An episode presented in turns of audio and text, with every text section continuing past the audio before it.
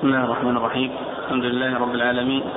والصلاة والسلام على عبد الله ورسوله نبينا محمد وعلى آله وصحبه أجمعين. أما بعد قال الإمام أبو عيسى الترمذي رحمه الله تعالى في جامعه باب ما جاء في المسح على الخفين ظاهرهما. قال حدثنا علي بن حجر قال حدثنا عبد الرحمن بن أبي الزناد عن أبيه عن عروة بن الزبير عن المغيرة بن شعبة رضي الله عنه أنه قال رأيت النبي صلى الله عليه وآله وسلم يمسح على الخفين على ظاهرهما. قال أبو عيسى حديث المغيرة حديث حسن وهو حديث عبد الرحمن بن أبي الزناد عن أبيه عن عروة عن المغيرة رضي الله عنه.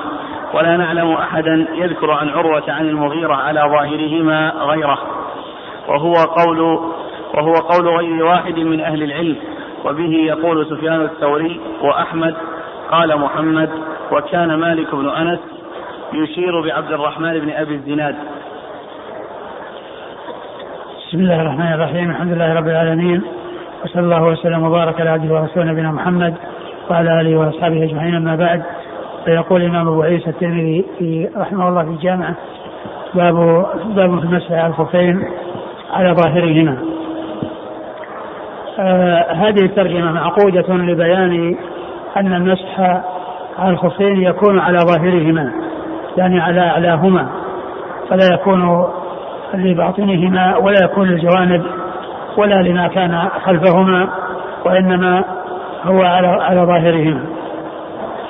وقد سبق في الترجمة التي قبل هذا أن المسح يكون على ظاهرهما وباطنهما ولكن الحديث لذلك ضعيف وأورد أبو عيسى حديث مغيرة بن شعبة رضي الله تعالى عنه أنه رأى النبي صلى الله عليه وسلم مسح على خفيه على ظاهرهما.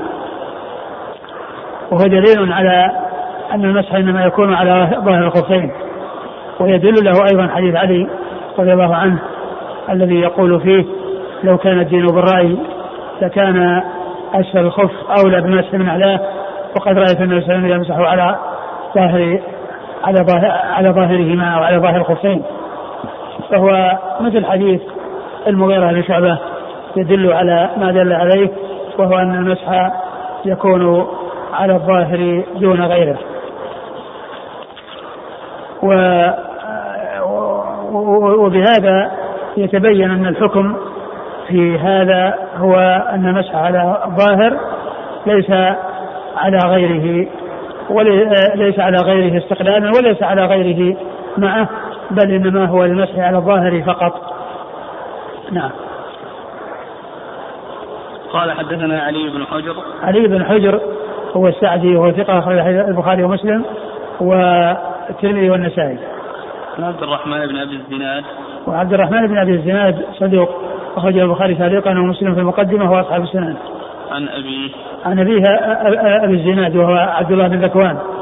كنيته لقبه أبو الزناد وكنيته أبو عبد الرحمن.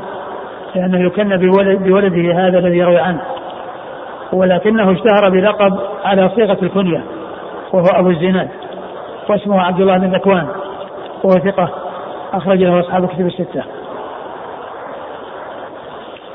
عن عروة بن الزبير عن عروة بن الزبير بن العوام وهو ثقة فقيه أحد فقهاء المدينة السبعة في عصر التابعين وحديثه أخرجه أصحاب كتب الستة. عن المغيرة بن شعبة المغيرة بن شعبة رضي الله عنه صاحب رسول الله صلى الله عليه وسلم وحديثه أخرجه أصحاب كتب الستة. قال أبو عيسى حديث المغيرة حديث حسن نعم. نعم. وهو حديث عبد الرحمن بن أبي الزناد عن أبيه عن عروة عن المغيرة ولا نعلم أحدا يذكر عن عروة عن المغيرة على ظاهرهما غيره. نعم. وحديثه حسن. نعم. وهو قول غير واحد من أهل العلم. وبه يقول سفيان الثوري وأحمد. سفيان الثوري هو سفيان بن سعيد بن مسروق الثوري ثقة فقيه محدث أخرج له أصحاب كتب الستة. وأحمد بن حنبل أحمد بن محمد بن حنبل, بن حنبل الشيباني الإمام الفقيه. المحدث أحد أصحاب المذاهب الأربعة المشهورة من مذاهب أهل السنة وحديثه أخرجه أصحاب كتب الستة. قال محمد وكان مالك بن أنس يشير بعبد الرحمن بن أبي الزناد قال محمد البخاري محمد بن إسماعيل البخاري وهو وهو أمير المؤمنين في الحديث وحديثه أخرجه البخاري أخرجه الترمذي وأخرجه أيضا ابن السني آه، النسائي كما ذكر ابن السني ومالك هو ابن أنس إمام دار الهجرة محدث الفقيه المشهور أحد أصحاب المذاهب الأربعة المشهور عن مذاهب أهل السنة وحديثه أخرجه أصحاب كتب الستة. قوله يشير بأبي الزناد يعني يضعفه ويتكلم فيه. نعم.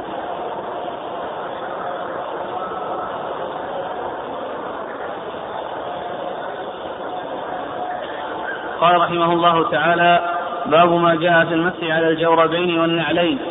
قال حدثنا هناد ومحمود بن غيلان قال حدثنا وكيع عن سفيان عن أبي قيس عن هزيل بن شرحبيل عن المغيرة بن شعبة رضي الله عنه قال توضأ النبي صلى الله عليه وعلى آله وسلم ومسح على الجوربين والنعلين. قال أبو عيسى هذا حديث حسن صحيح وهو قول غير واحد من أهل العلم وبه يقول سفيان الثوري وابن المبارك والشافعي وأحمد وإسحاق قالوا يمسح على الجوربين وإن لم تكن نعلين إذا إذا كانا ثخينين ثم ورد أبو عيسى رحمه الله يترجم باب مسح على النعلين الجوربين. المقصود من ذلك أنه يمسح على الجوربين إذا إذا كان مفردين وإذا كان وإذا كان في نعلين. وإذا كان في نعلين لأن الجورب قد يكون يعني مع نعل وقد يكون بدون نعل وهو يمسح عليه. إن كان وحده وإن كان مع غيره. يمسح عليه إن كان وحده وإن كان مع غيره. والجورب هو ما يعني آه، آه، تدخل فيه الرجل من قماش سواء كان صوفا أو غير صوف. يعني فيكون ساترا فيكون ساترا للرجل مثل الخف. إلا أن الخف يكون من الجلد وهذا يكون من الصوف أو من القماش أو من أو من الكتان أو من القطن أو غير ذلك. وأن يكون بحيث أن يكون ساترا ل آه، آه، يعني الكعبين يعني مثل الخفين. والخفان كما هو معلوم يكون ساترا للكعبين. وأما النعلان فيكونان دون الكعبين فلا يستران الكعبين. ولهذا جاء في الحديث في الحج ومن لم يجد نعلين فليلبس خفين وليقطعهما أسفل الكعبين وليقطعهما أسفل الكعبين حتى يكون مثل النعلين. آه أورد أبو عيسى حديث المغيرة بن شعبة في هذا وفيه أن أن أن مسح على النعلين والجوربين. و آه، والمسح على النعلين إنما هو تبع للجوربين.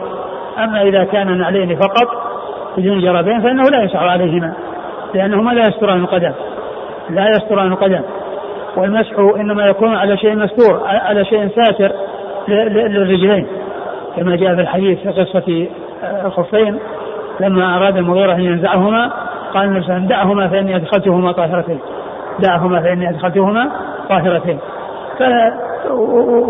والخفان قد غطيا الرجلين وأما النعلان فلا يغطيان فلا يغطيان الرجلين. فلا يغطيان الرجلين. يعني يبدو شيء من الرجلين والكعبان يعني يبدوان والمسح إنما يكون على ما يستر على على ما يستر محل الوضوء الذي هو غسل الرجلين إلى الكعبين فالأصل إذا كانت الرجلان مكشوفتين أن يغسلا وإذا كانتا مستورتين بالخفين أو بالجوابين فإنه يمسح عليهما. أي على الخف على الجوربين أو على الخفين. و والحديث ورد في ذلك عن النبي صلى الله عليه وسلم كما جاء عن المغيرة بن شعبة وجاء عن ثلاثة عشر من أصحاب النبي صلى الله عليه وسلم. ثلاثة عشر صحابيا يعني جاء عنهم المسح على الخفين. نعم. الجوربين.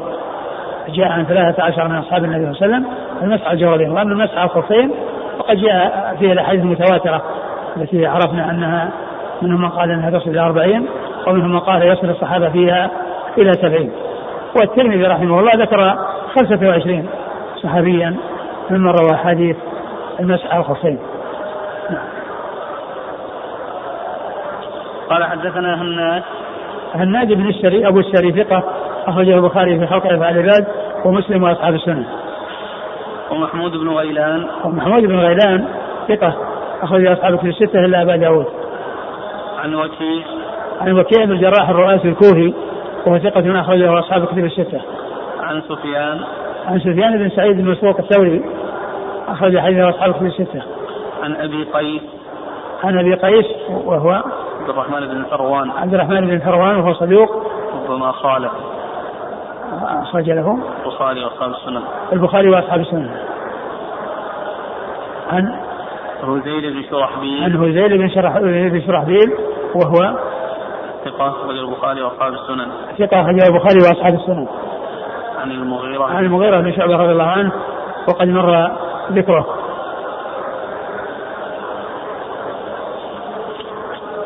قال أبو عيسى هذا حديث حسن صحيح نعم.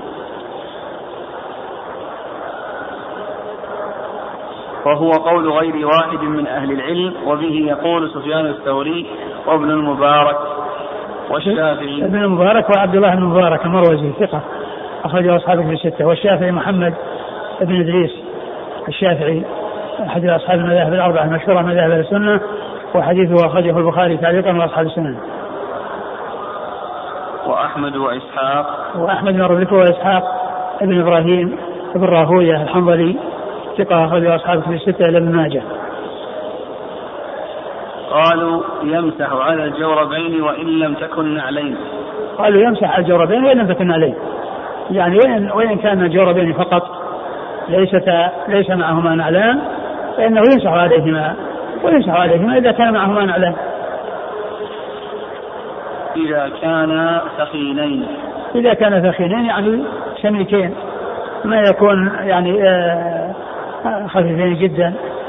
و يعني كونهما ثخينين ليس ليس بشرط وليس بلازم. وإنما المهم أن يكون ساتر مستورين وليس يعني شيء خفيفين جدا بحيث تكون البشرة ظاهرة وكأنه وكأنها غير وكأن وكأن الجورب غير موجود لخفته وظهور البشرة. فمثل هذا لا يمسح عليه نعم. قال وفي الباب عن أبي موسى. أبو موسى هو عبد الله بن- قيس الأشعري. أخرج حديثه أصحابه في الستة.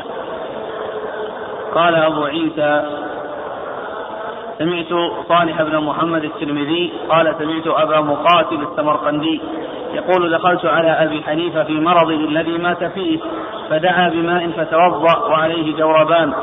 فمسح عليهما ثم قال فعلت اليوم شيئا لم أكن أفعله. مسحت على الجوربين وهما غير منعلين.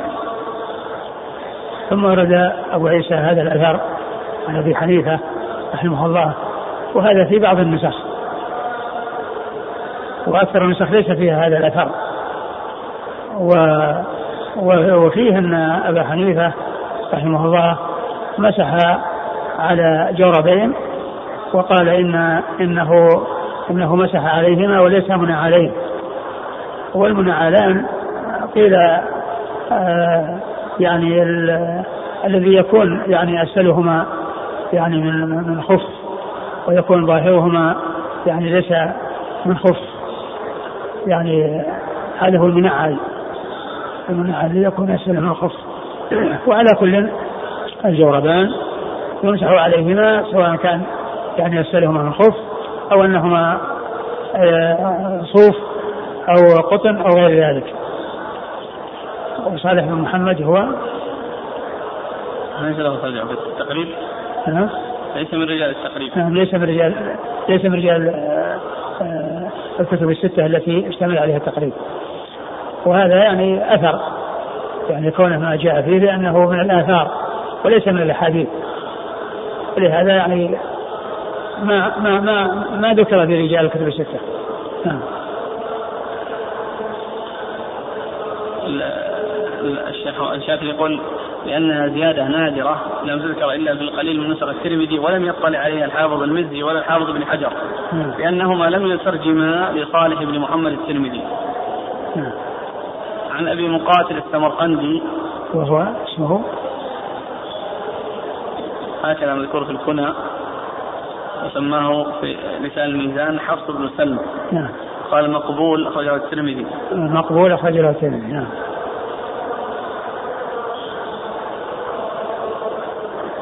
عن أبي حنيفة. عن أبي حنيفة النعمان بن ثابت وهو أحد أصحاب المذاهب الأربعة المشهورة من مذاهب أهل السنة وحديثه أخرجه الترمذي والنسائي. الترمذي والنسائي.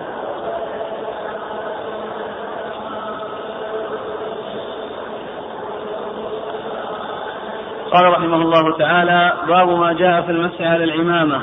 قال حدثنا محمد بن بشار قال حدثنا يحيى بن سعيد القطان عن سليمان التيمي عن بكر بن عبد الله المزني عن الحسن عن ابن المغيرة بن شعبة عن أبيه رضي الله عنه أنه قال توضأ النبي صلى الله عليه وعلى آله وسلم ومسح على الخفين والعمامة. قال بكر وقد سمعت من ابن المغيرة. قال وذكر محمد بن بشار في هذا الحديث في موضع آخر أنه مسح على ناصيته وعمامته. وقد روي هذا الحديث من غير وجه عن المغيرة بن شعبة ذكر بعضهم المسح على الناصية والعمامة ولم يذكر بعضهم الناصية. وسمعت أحمد بن الحسن يقول سمعت أحمد بن حنبل يقول ما, رأ ما رأيت بعيني مثل يحيى بن سعيد القطان. ثم ورد أبو عيسى رحمه الله باب المسح. باب ما جاء في المسح على العمامة. باب ما جاء في المسح على العمامة. العمامة هي المشدودة على الرأس يعني شدا محكما ونزعها يكون فيه مشقة فإنه يمسح عليها كما كان كما كان يمسح على الخفين والمسح يكون على العمامة إذا كانت مغطية للرأس كله وإذا كانت على بعض الرأس بحيث تكون الناصية بادية فإنه يمسح على الناصية وعلى العمامة. يمسح على ما ظهر من الرأس وعلى العمامة تكميلا للمسح. يعني معناه أن المسح يكون يعني من المقدم وعلى المؤخر. وإذا كان المؤخر المقدم قد بدأ وهو الناصية فإنه يمسح عليه ويمسح على العمامة وقد جاءت السنة بذلك عن رسول الله صلى الله عليه وسلم وعرض أبو عيسى حديث المغيرة نعم. أن النبي صلى الله عليه وسلم مسح على الخفين وعلى العمامة وجاء أنه مسح على الناصية والعمامة يعني معناها إذا كانت العمامة مغطية للرأس ولم يبدو شيء من الناصية فإنه يمسح على العمامة وإذا كان العمامة لا تغطي الرأس كله بل مقدمه وهو الناصية آه، قد بدا فإنه يمسح على ما بدا وعلى العمامة يعني يجمع بين هذا وهذا. يجمع بين مسح ما بدا من الرأس الذي هو مقدمه وعلى العمامة التي تكون على مؤخره نعم قال حدثنا محمد بن بشار محمد بن بشار هو الملقب بن دار وهو ثقة أخرجه أصحاب الكتب الستة وهو شيخ لأصحاب الكتب الستة. عن يحيى بن سعيد القطان. يحيى بن سعيد القطان ثقة أخرجه أصحاب الكتب الستة. عن سليمان التيمي. عن سليمان بن طرخان التيمي ثقة أخرجه أصحاب الكتب الستة. عن بكر بن عبد الله المزني. بكر بن عبد الله المزني ثقة أخرجه أصحاب الكتب الستة. عن الحسن. عن الحسن بن أبي الحسن البصري وهو ثقة أخرجه أصحاب الكتب الستة. عن ابن المغيرة بن شعبة. عن ابن المغيرة بن شعبة هو حمزة ابن المغيرة بن شعبة وهو ثقة أخرج له مسلم والنسائي وابن ماجه. أخرجه مسلم والنسائي وابن ماجه. هذا فيه ليش ما شاء الله الترمذي؟ ها؟ والله ما ذكر الترمذي. ليش؟ مسلم والنسائي وابن ماجه. مسلم والنسائي وابن ماجه يعني ما جاب الترمذي؟ لا. إيه هذا كل هذا أقول هذا موجود فيه اللي هو حمزة اللي هو المغيرة قصدك؟ اي بس أنا أقول اي قل لعل هو جاء عند اثنين. أقول هو جعل الاثنين حمزة و وعروة ولا إيش؟ يعني لكن له حمزة وعروة. نعم. أقول هو جعل الاثنين و والمشهور والمعروف حمزة. لكن هل لأنه ما جاء مسمى ما رمز له بتاء أو في اصطلاح ثاني؟ ما أدري يمكن يرجع إلى إلى إلى تهذيب الكمال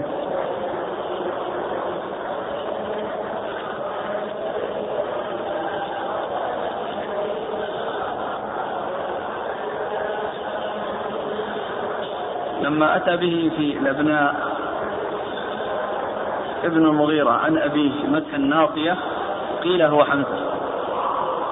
ورمز قال تاء دال تاء سين تاء دال.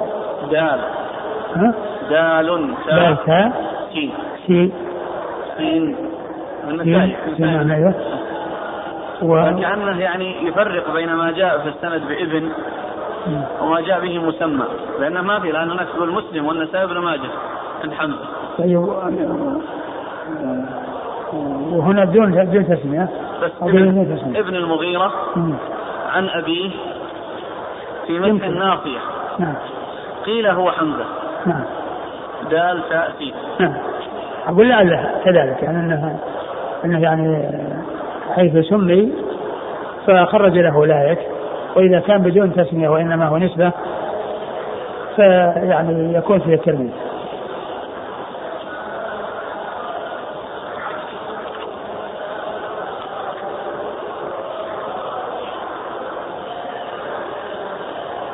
أما عروة فهو عند الجماعة. عروة بن المغيرة نعم. فهو عند الجماعة.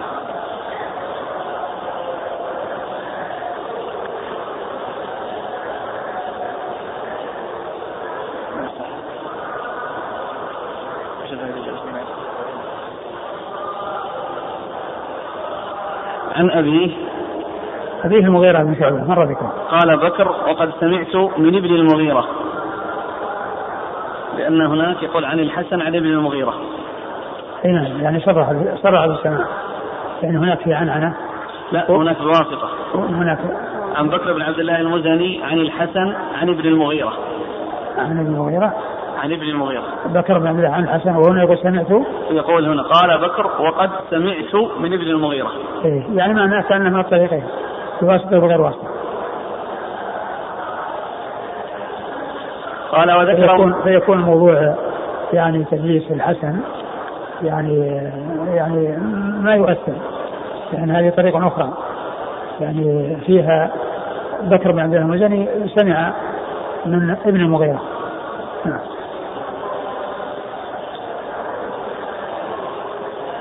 قال وذكر محمد بن بشار في هذا الحديث في موضع آخر أنه مسح على ناصيته وعمامته يعني في موضع آخر يعني في رواية الحديث في ذكر الناصية والعمامة وهنا في ذكر العمامة فقط. وكل ذلك يعني آه، صحيح. فهو إن كان الرأس مغطى بالعمامة لم يبدو منه ناصية مسح عليها وإن بدا منه الناصية مسح الناصية والعمامة وقد روي هذا الحديث من غير وجه عن المغيرة بن شعبة ذكر بعضهم المسح على الناصية والعمامة ولم يذكر بعضهم الناصية. وقد وقد روي هذا الحديث من غير وجه إيه؟ عن المغيرة بن شعبة. ذكر بعضهم المسح على الناصية والعمامة ولم يذكر بعضهم الناصية. يعني مثل مثل ما مثل ما ذكر يعني في الحديث إنه يعني المغيرة جاء عنها العمامة وجاء عنها الناصية والعمامة وأنه جاء من غير وجه عن المغيرة. يعني من غير هذا الطريق الذي ذكره المصنف. وفيهم من ذكر المسعى الإمامة ومنهم من ذكر الناصية والإمامة وسمعت أحمد بن الحسن يقول سمعت أحمد بن حنبل يقول ما رأيت بعيني مثل يحيى بن سعيد القطان. هذا ثناء على يحيى بن سعيد القطان من الإمام أحمد والإمام ويحيى بن سعيد القطان هو من رواة هذا الحديث. قال سمعت أحمد بن الحسن. أحمد بن الحسن الترمذي آه، ثقة أخرج حديث البخاري والترمذي. عن أحمد بن حنبل. أحمد بن حنبل مرة ذكره. قال وفي الباب عن عمرو بن أمية وسلمان. عمرو بن أمية الضمري وهو ثقة وهو صحابي وهو صحابي أخرج أصحاب كتب الستة. وسلمان الفارسي صحابي أخرج أصحاب كتب الستة. وثوبان. وثوبان مولى رسول الله صلى الله عليه وسلم أخرج أصحاب كتب الستة. خرج المفرد ومسلم نعم. البخاري في الأدب البخاري في الأدب المفرد ومسلم وأصحاب السنة. وأبي أمامة. وأبي أمامة صدي بن عجلان الباهلي أخرج حديث أصحاب كتب الستة.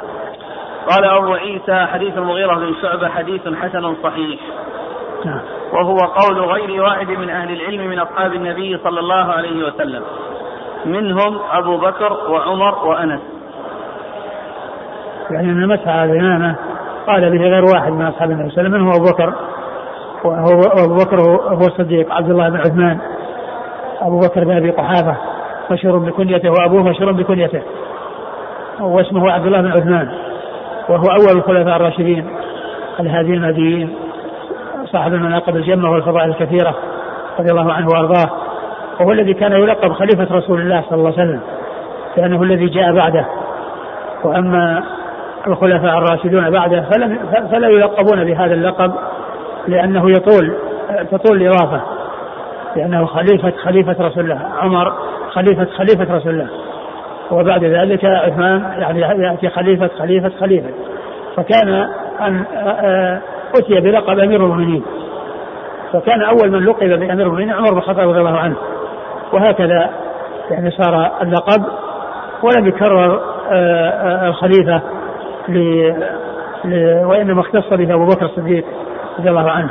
هو الذي كان يقال له خليفة رسول الله. نعم. أبو بكر وعمر وأنس وعمر بن الخطاب رضي الله عنه أمير المؤمنين وثاني الخلفاء الراشدين الهادي المهديين صاحب المناقب الجمة والفوائد الكثيرة وحديثه عند أصحاب الكتب الستة. وأنس بن مالك خادم رسول الله عليه الصلاة والسلام وأحد السبع المعروفين بكثرة الحديث عن النبي عليه الصلاة والسلام. وبه يقول الأوزاعي وأحمد وإسحاق قالوا يمسح على العمامة. الأوزاعي هو عبد الرحمن بن عمرو. الأوزاعي أبو عمرو. فقيه الشام ومحدثها. وحديثه أخرجه أصحاب الكتب الستة. وأحمد وإسحاق. وأحمد وإسحاق مر ذكرهما وقال غير واحد من أهل العلم من أصحاب النبي صلى الله عليه وآله وسلم والتابعين لا يمسح على العمامة إلا أن يمسح لا يمسح على العمامة إلا أن يمسح برأسه مع العمامة. وقال يعني جماعة بعض أصحاب النبي صلى الله عليه وسلم أنه لا يمسح على العمامة لا يمسح برأسه إلا أن يمسح برأسه نعم. فيمسح على العمامة نعم أن يمسح برأسه مع العمامة يمسح برأسه مع العمامة يعني يجمع بين البدل والمبدل. فلا يمسح على العمامة وحدها وإنما يمسح على الرأس وعلى العمامة ومعلوم أن الرأس إذا مسح عليه وهو الأصل فإنه يكفي. اللهم إلا أن يكون المقصود يعني أنه جمع بين الناصية وبين العمامة بمعنى أن يكون في مسح لبعضه ومسح للعمامة. وأما كونه يمسح على الرأس ثم يمسح على العمامة فيكون جمعا بين البدل والمبدل. فيبدو والله أعلم المقصود به آه، الجمع بينهما. وهو قول سفيان الثوري ومالك بن أنس وابن المبارك والشافعي. آه، مر ذكره. قال أبو عيسى وسمعت جارود بن معاذ يقول سمعت وكيع بن الجراح يقول إن مسح على العمامة يجزئه بالأثر. وقال وذكر هذا الأثر عن عن وكيع أنه قال إن مسح على العمامة يجزئه يعني بدون أن يمسح على شيء من الرأس أو يمسح على الرأس. والجارود بن محمد هو الجارود بن معاذ. ثقة أخرجه الترمذي والنسائي. ثقة أخرجه الترمذي والنسائي. عن عن وكيع مر. مر ذكره نعم. قال حدثنا هناد قال حدثنا علي بن مسر عن الأعمش عن الحكم عن عبد الرحمن بن أبي ليلى عن كعب بن عجرة عن بلال رضي الله عنهم أن النبي صلى الله عليه وآله وسلم مسح على الخفين والخمار. ثم ورد أبو عيسى حديث كعب حديث بلال رضي الله عنه. أن النبي صلى الله عليه وسلم مسح على الخفين والخمار والمراد بالخمار العمامة. المراد بالخمار العمامة لأنها تغطي الرأس.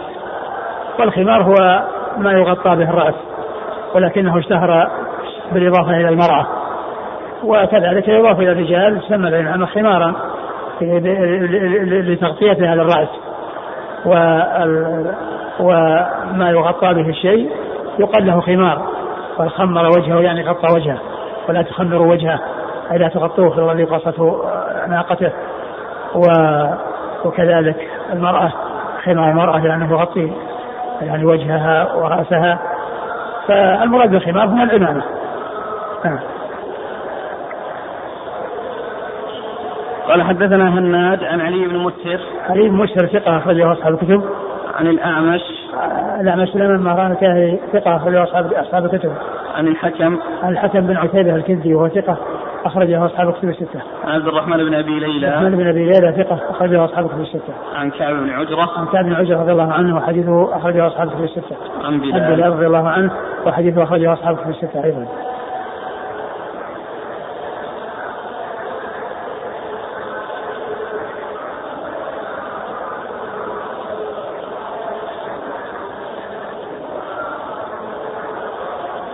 قال حدثنا قتيبة بن سعيد قال حدثنا بشر بن المفضل عن عبد الرحمن بن إسحاق هو القرشي عن أبي عبيدة بن محمد بن عمار بن ياسر أنه قال سألت جابر بن عبد الله رضي الله عنهما عن المسح على الخفين فقال السنة يا ابن أخي. قال وسألته عن المسح على العمامة فقال أمست الشعر الماء. ثم ورد هذا الأثر عن جابر رضي الله تعالى عنه. أن أنه سئل عن مسح الخفين فقال السنة يا ابن أخي. نعم. السنة يا ابن يا ابن أخي. السنة يا ابن أخي نعم. السنة السنة يا ابن أخي يعني أنه جاءت في السنة أي ثبتت في السنة عن رسول الله صلى الله عليه وسلم. وذلك بالأحاديث متواترة كما قد عرفنا ذلك. وسألته عن مسح العمامة نعم. فقال أمس أمس شعر الماء. نعم. أمس شعر الماء. يعني معناه أن المسح يكون على على الرأس وليس على العمامة. يكون على الرأس وليس على العمامة. أنه يمسح على الرأس ولا يمسح على العمامة. ولكن كما عرفنا ثبت الحديث في المسح على العمامة عن رسول الله صلى الله عليه وسلم. قال حدثنا قتيبة بن سعيد قتيبة بن سعيد بن جميل بن طريف البغلاني ثقة أخرجه أصحاب كتب الستة. عن بشر بن المفضل. بشر بن المفضل ثقة. أخرجه أصحاب كتب الستة. عن عبد الرحمن بن إسحاق عن عبد الرحمن بن إسحاق وهو صدوق أخرج البخاري في المفرد ومسلم وأصحاب السنة. صدوق أخرج البخاري في المفرد ومسلم وأصحاب السنة. عن أبي عبيدة بن محمد بن عمار بن ياسر. عن أبي عبيدة أبي عبيدة بن محمد بن عمار بن ياسر وهو مقبول مقبول أخرج له أصحاب السنن. أخرجه أصحاب السنن. عن جابر بن عبد الله. عن جابر بن عبد الله رضي الله عنه وقد مر ذكره.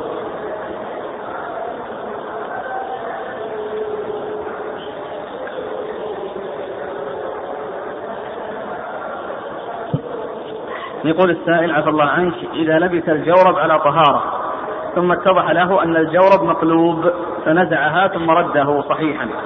هل هذا النزع بعد انتقاض الوضوء؟ هل يمسح على الجورب أم يغسله؟ لا لا ما يمسح. لازم يتوضأ من جديد. ما دام أنه أبدى وخلعه فإنه عليه أن يتوضأ من جديد ليدخل ليدخل آه يدخل الرجل فيه الرجلين فيه وهما طاهرتان.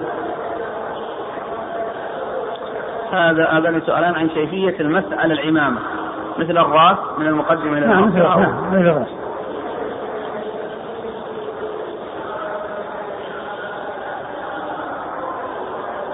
يقول هل يجوز المسح على الحذاء؟ لا ما يمسح على الحذاء. ما يمسح على النعل إلا إذا كان فيه جورب. إذا كان فيه جورب ومع الجورب نعل يمكن. إذا كانت الجزمة لها يعني عنق طويل يغطي الكعبين مثل أحذية بعض العسكر الجنوب نعم نعم. هل له أن يمسح؟ نعم له يمسح. لأنه لا ساق يقول هل يشترط أن تكون العمامة محنكة؟ بعض أهل بعض أهل العلماء بعض أهل العلم اشترط ذلك. لكن هو المقصود أن تكون يعني مشدودة شدا يعني يصعب نزعه وإعادته. وليس مثل يعني بعض العمائم التي يعني خفيفة مثل يعني الغمائم التي علينا الآن فإن ما فيها شد. الإنسان يزيلها ويزيل الطواقي التي تحتها. وكذلك يعني بعض العمائم التي تلف. يعني ويعني فكها سهل فإنه لا يمسح عليها. يقول إذا مسح على الجوربين والنعلين ثم خلع النعلين وأبقى الجوربين. يمسح يمسح الجوربين. هو مسح بارك الله فيك. ولو كان. مسح ودخل الآن المسجد. مسح على الجوربين مسح على الجوربين والنعلين. يكفي. أقول لو لو نزع أحدهما لو نزع أحدهما فإن يعني المسح على الجوربين كافي لأن النعلين جاءت تبع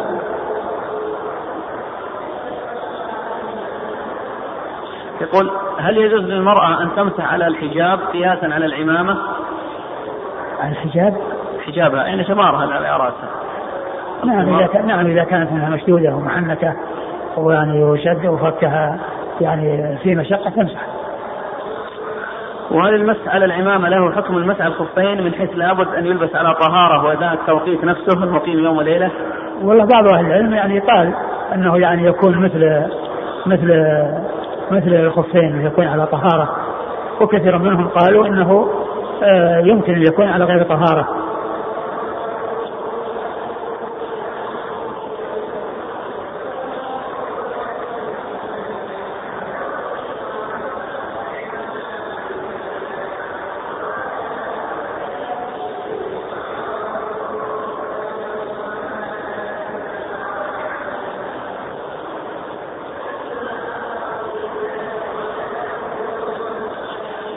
قال رحمه الله تعالى باب ما جاء في الغسل من الجنابة. والله تعالى أعلم وصلى الله وسلم وبارك على عبده ورسوله نبينا محمد وعلى آله وأصحابه أجمعين.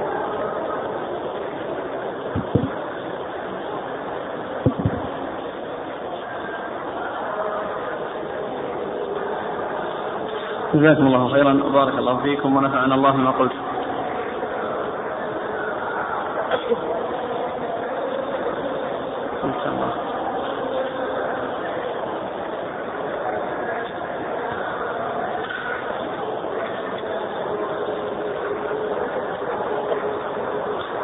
يقول هل يجوز المسح على القلنسوة؟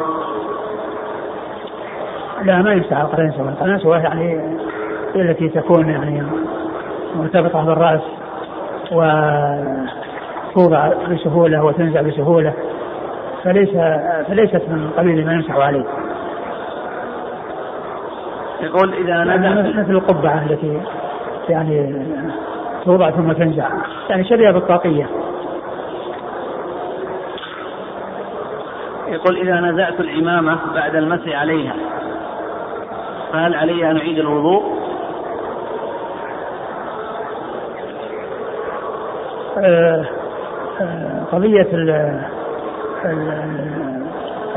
المسح على العمامة يعني يعني هي فيها تختلف عن في, في الأحكام عن عن عن الخفين إيش قال في الشرح؟ ذكر في الشرح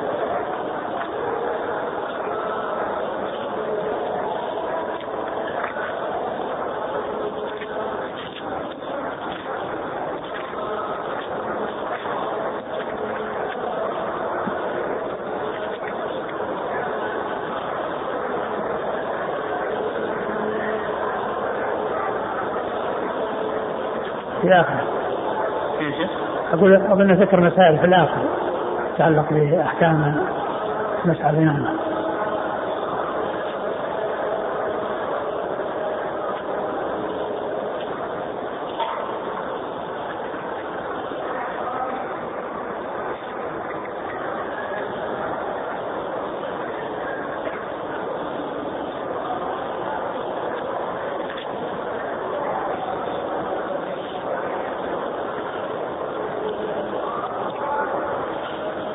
وذكر في الشرح أن أكثر العلماء على أنه لا يشترط أن تكون على طهارة.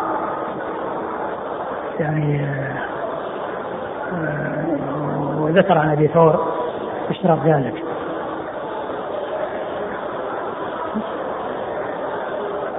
فعلى هذا يعني على هذا القول اللي هو قول أكثر العلماء يعني لنزعها مثل ما لو مثل الأصل لو لبسها يعني وهو على غير على غير وضوء.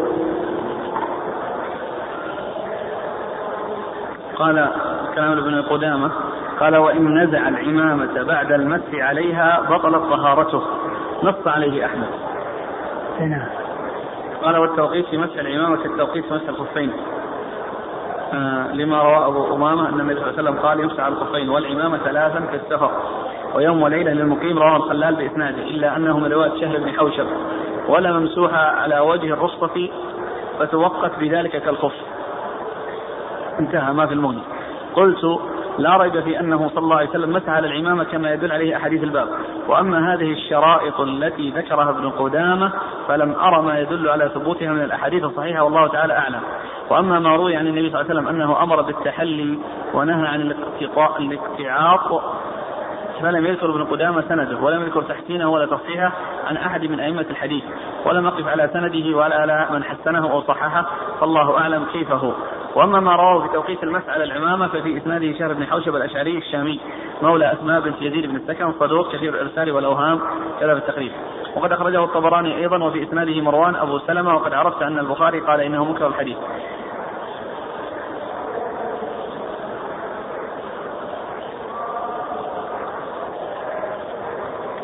كلام نقل كلام ابن قدامة ثم تعقب بهذا التعقب. لا فيه مسائل ظاهر مسائل. المسائل تقدمت في قبل الباب الذي قبل. الباب اللي قبله؟ لا هو ذكر ان ان أنه يعني هل يشترط اللبس على طهارة كذا وقال قال به أبو ثور وغيره قال بأنه لا يشترط. الجوربين والنعلين لما انتهى من الشرح قال وهنا مباحث عديدة متعلقة بحديث الباب نذكرها إفادة للطلاب. في الجوربين؟ إيه النعلين. ذكر أول شيء تصحيح الترمذي تحسينه. لا بعد لا يتعلق بال في شيء يتعلق بال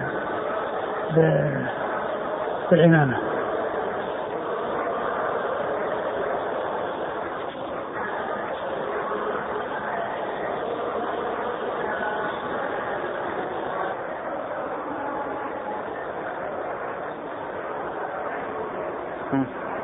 قال فائدة اختلف القائلون بالمسح على العمامة هل يحتاج الماسح على العمامة إلى لبسها على طهارة أو لا يحتاج؟ فقال أبو ثور لا يمسح على العمامة إلا من لبسها, لبسها على طهارة. قياسا على الخفين ولم يشترط ذلك الباقون. وكذلك اختلفوا في التوقيت فقال أبو ثور أيضا إن وقته كوقت المسح على الخفين وروي مثل ذلك عن عمر والباقون لم يوقتوا. قال ابن حزم إن النبي صلى الله عليه وسلم مسح على العمامة والخمار ولم يوقت ذلك بوقت. وفيه أن الطبراني قد روى من حديث أبي أمامة أن النبي صلى الله عليه وسلم كان يمسح على الخفين والعمامة ثلاثا في السفر ويوما وليلة في الحضر. لكن في إسناده مروان أبو سلمة قال ابن أبي حاتم ليس بالقوي وقال البخاري منكر الحديث وقال الأزدي ليس بشيء. وسئل أحمد بن حنبل عن هذا الحديث فقال ليس بصحيح انتهى كلام الشوكاني.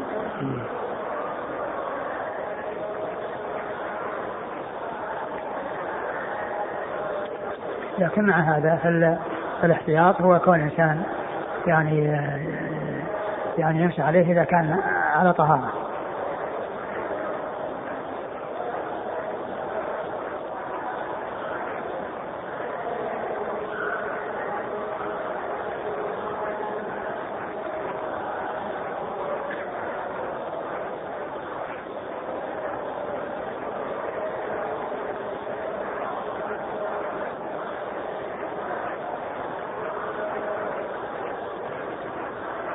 يقول فضيلة الشيخ إني مصاب بمرض الربو وهنا أحد الأطباء من معارفي يعمل في مستشفى حكومي وأنا أستعمل نوعا من الدواء يزودني به من حين لآخر فهل يجوز أن آخذ هذا الدواء من غير الذهاب إلى المستشفى؟ ليس للإنسان الموظف أن يستخرج أشياء من الذي في عهدته أو ما تحت يده من غير أن يكون بالطريق التي يكون بها الصرف وهي آه، وهو الطبيب الذي يتولى ذلك فيكون هذا عن طريق الطبيب وأما كون إنسان يعني يأخذ من الصيدلية ما يشاء ويعطيه لأقاربه ولأقاربه فهذا غير سائغ. يقول هل يوجد حديث صحيح في تحريم الدف على الرجل؟ واصلا ما ما نعلم ورود استعمال الدف إلا في حق النساء وفي الأعراس فقط.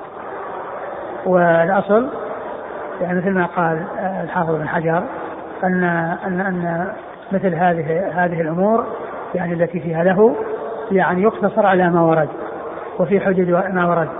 يعني قدرا ووقتا ويعني وما إلى ذلك. فالأصل ان يعني أنه يمنع إلا ما ورد.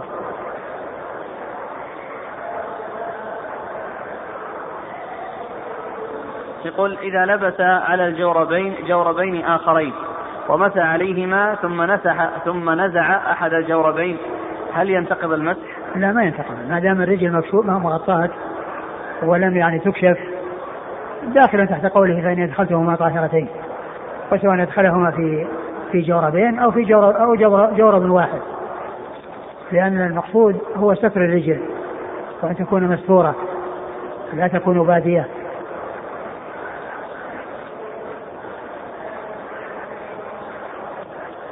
يقول هل على السقط الذي عمره خمسة أشهر عقيقة؟ وهل صحيح أنه لا يشفع لوالديه إن لم يعق عنه؟ الحديث الغلام مرتهن بعقيقته مرتهن بعقيقته وكونه يعق عن يعني كل مولود لا شك أن هذا يعني هو هو, هو المطلوب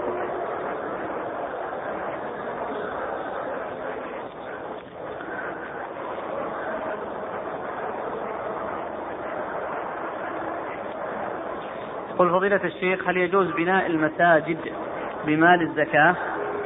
لا. لا تبنى المساجد بأموال الزكوات وإنما الزكوات في مصارف الثمانية التي ذكرها الله عز وجل في كتاب العزيز. المصدقة في الفقراء والمساكين والعاملين عليه والمؤلفة قلوبهم والرقاب والغارمين وفي سبيل الله السبيل. هذه المصارف الثمانية التي ذكرها الله عز وجل في كتابه العزيز. والمساجد ودور الأربطة والقناطر وتعبيد الطرق وما إلى ذلك من المنافع والمصالح هذه لا آه، آه، يستعمل فيها أموال الزكاة وإنما من يستعمل فيها الإحسان والبر وصرف وجوه الخير. وأما الزكاة فهي مقصورة على الوجوه الثمانية التي ذكرها الله عز وجل في كتابه العزيز. فلا تبنى المساجد من أموال الزكاة.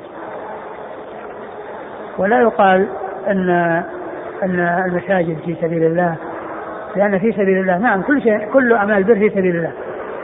لكن سبيل الله جاء مقرونا مع سبعة أصناف أخرى.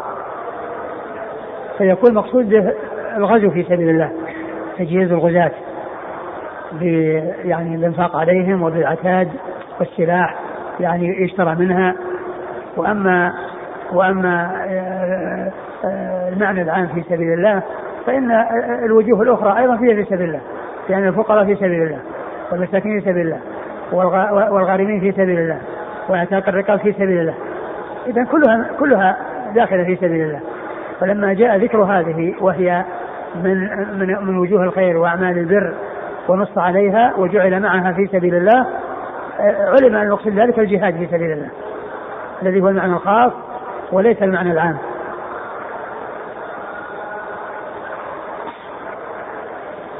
يقول إذا مسح على الحذاء الذي له ساق ثم نزعه للصلاة هل ينتقض الوضوء؟ نعم إذا كان إذا كان مسح عليه يعني بعد أحدث ومسح فإنه إذا نزعه ينتقض. ينتقض الوضوء سواء لساق ولا لما لساق سواء جورب ولا خف ولا ما إلى ذلك كل كل ما شيء يمسح عليه فإنه إذا نزع فإن عليه أن يعيد الوضوء. وبعض أهل العلم قال بأنه باق على طهارته حتى يحدث. باق على طهارته حتى يحدث. وقالوا أن هذا نظير ما لو أن الإنسان مسح على رأسه ثم حلقه فإنه لا يحتاج إلى يعني إعادة الوضوء لأنه توضأ ومسح على رأسه. ولكن آه، فرق بين بين هذا وذاك لأن المسح على الرأس أصل. وأما المسح على الخف فهو فرع وبدل عن غسل الرجل. فلا يكون هذا مماثلا لهذا. لا يكون الإنسان إذا خلع خفيه بعد أن مسح عليهما كالذي مسح على رأسه ثم حلق رأسه.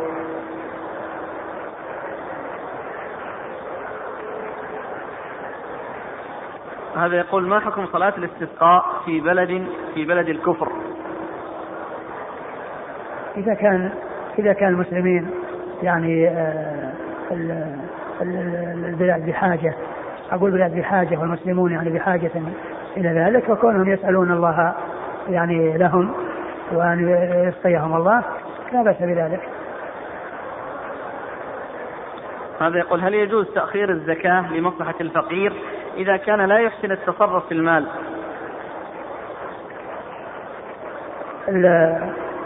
الزكاة تعطى للفقراء في وقتها. تعطى للفقراء في وقتها. ولا تجعل يعني لأشخاص معينين ينفق عليهم طول السنة بل هي تعطى لمن هو محتاج. ولا يخصص بها أناس تكون آه، آه، محفوظة لهم آه، يعطون منها طول السنة. وتعطى لمن يستحقها في وقتها. تعطى لمن يستحقها في وقتها.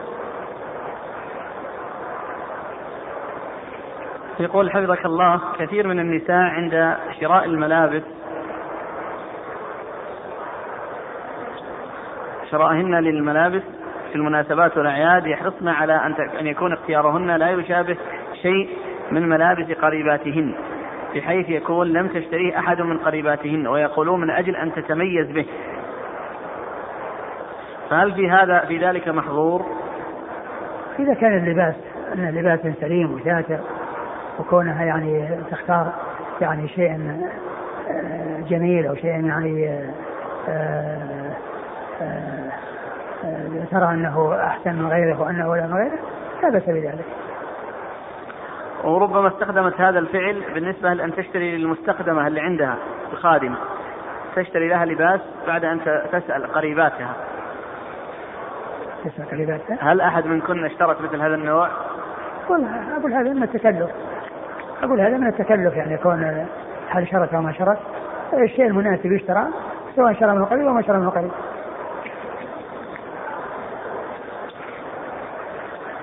يقول ما حكم الأكل والصلاة في بيت بني عن طريق المصرف الربوي؟ علما بأن الذي أخذ القرض كان مضطرا حيث كان يسكن في الطابق الخامس وشق عليه ذلك. ما حكم إيش؟ الأكل والصلاة في بيت بني عن طريق المصرف الربوي. علما بأن الذي أخذ القرض كان مضطر إليه حيث كان يسكن في الطابق الخامس وشق عليه هذا. أبدا كون كل إنسان يعني يسكن في بيت يعني بناه صاحبه من ربا أو من كذا لا بأس والصلاة تصح وكونه يأكل وفي مكان هو ساكن فيه يعني الإثم على على من تعاطى الربا وأما كون الناس يسكنون عنده أو يعني أو بنى أو بنى مكان يعني للناس يعني آه، رباط أو كذا فالناس يسكنون وهو الذي وهو الذي عليه الغرم وهم لهم الغنم.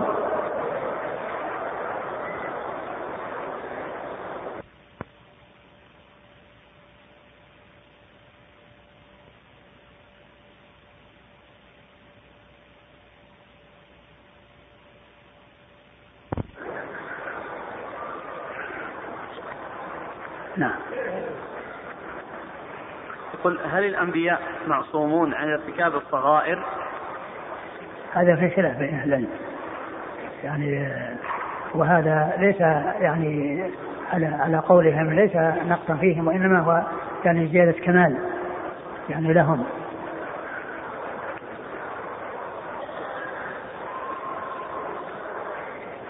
يقول فضيلة الشيخ أريد أن أعتمر قبل شهر رمضان وهذه أول مرة وأريد أن أعتمر في شهر رمضان مرة أخرى عن أبي رحمه الله. فما حكم ذلك؟ جزاك الله خيرا.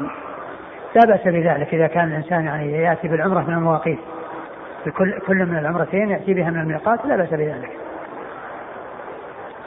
السؤال الثاني يقول أبي توفي رحمه الله إثر مرض مزمن لا يرجى برؤه وأمره الطبيب أن يفطر شهر رمضان فأفطر ثلاث سنوات ثم توفي في آخر يوم من رمضان.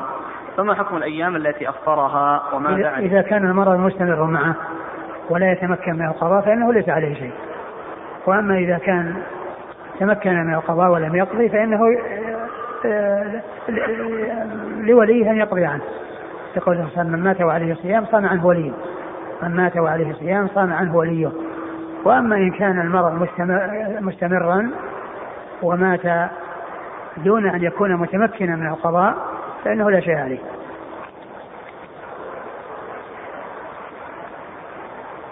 يقول كم تقدر الفدية لمن أحرم من جدة وهو قد قدم من الجزائر؟ شاة. شاة تذبح مكة وتوزع على فقراء الحرم. هل يجوز حلق اللحية بحجة استخراج جواز السفر للحج أو العمرة؟ لأن الإدارة في بعض البلاد تمنع الصورة باللحية. لا يجوز الإنسان لا يجوز الإنسان أن يحلق لحيته لأن هذه معصية لله عز وجل ولا طاعة لمخلوق في معصية الله.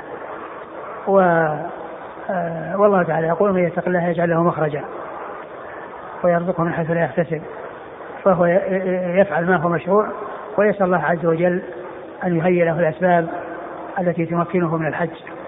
ويمكن أن يخرج من بلده إلى بلد آخر إذا كان الأمر صحيح إلى بلد آخر ثم يأتي من البلد الآخر.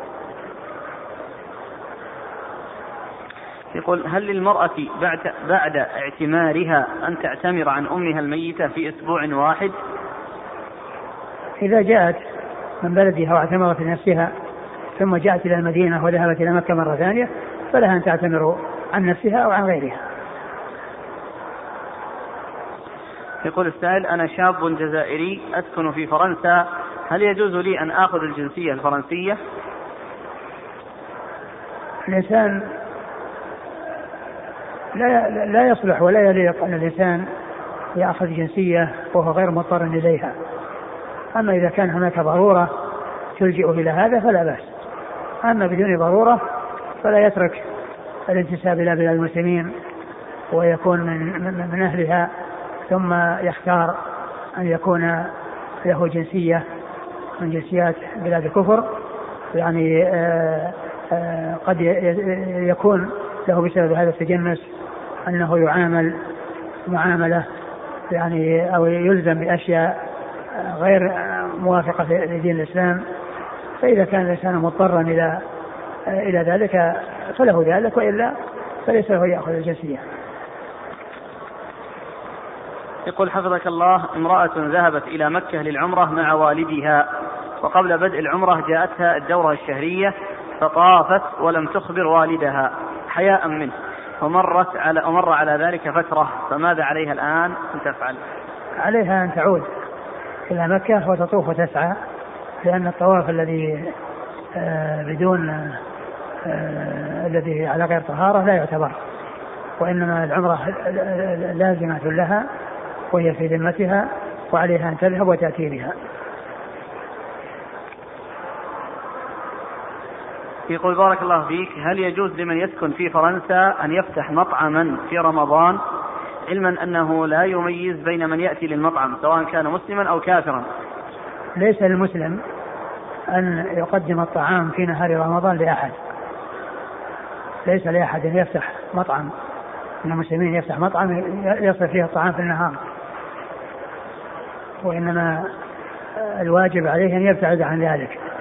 وألا يكون يعني مساعدا على أو متعاونا على الإثم والعدوان.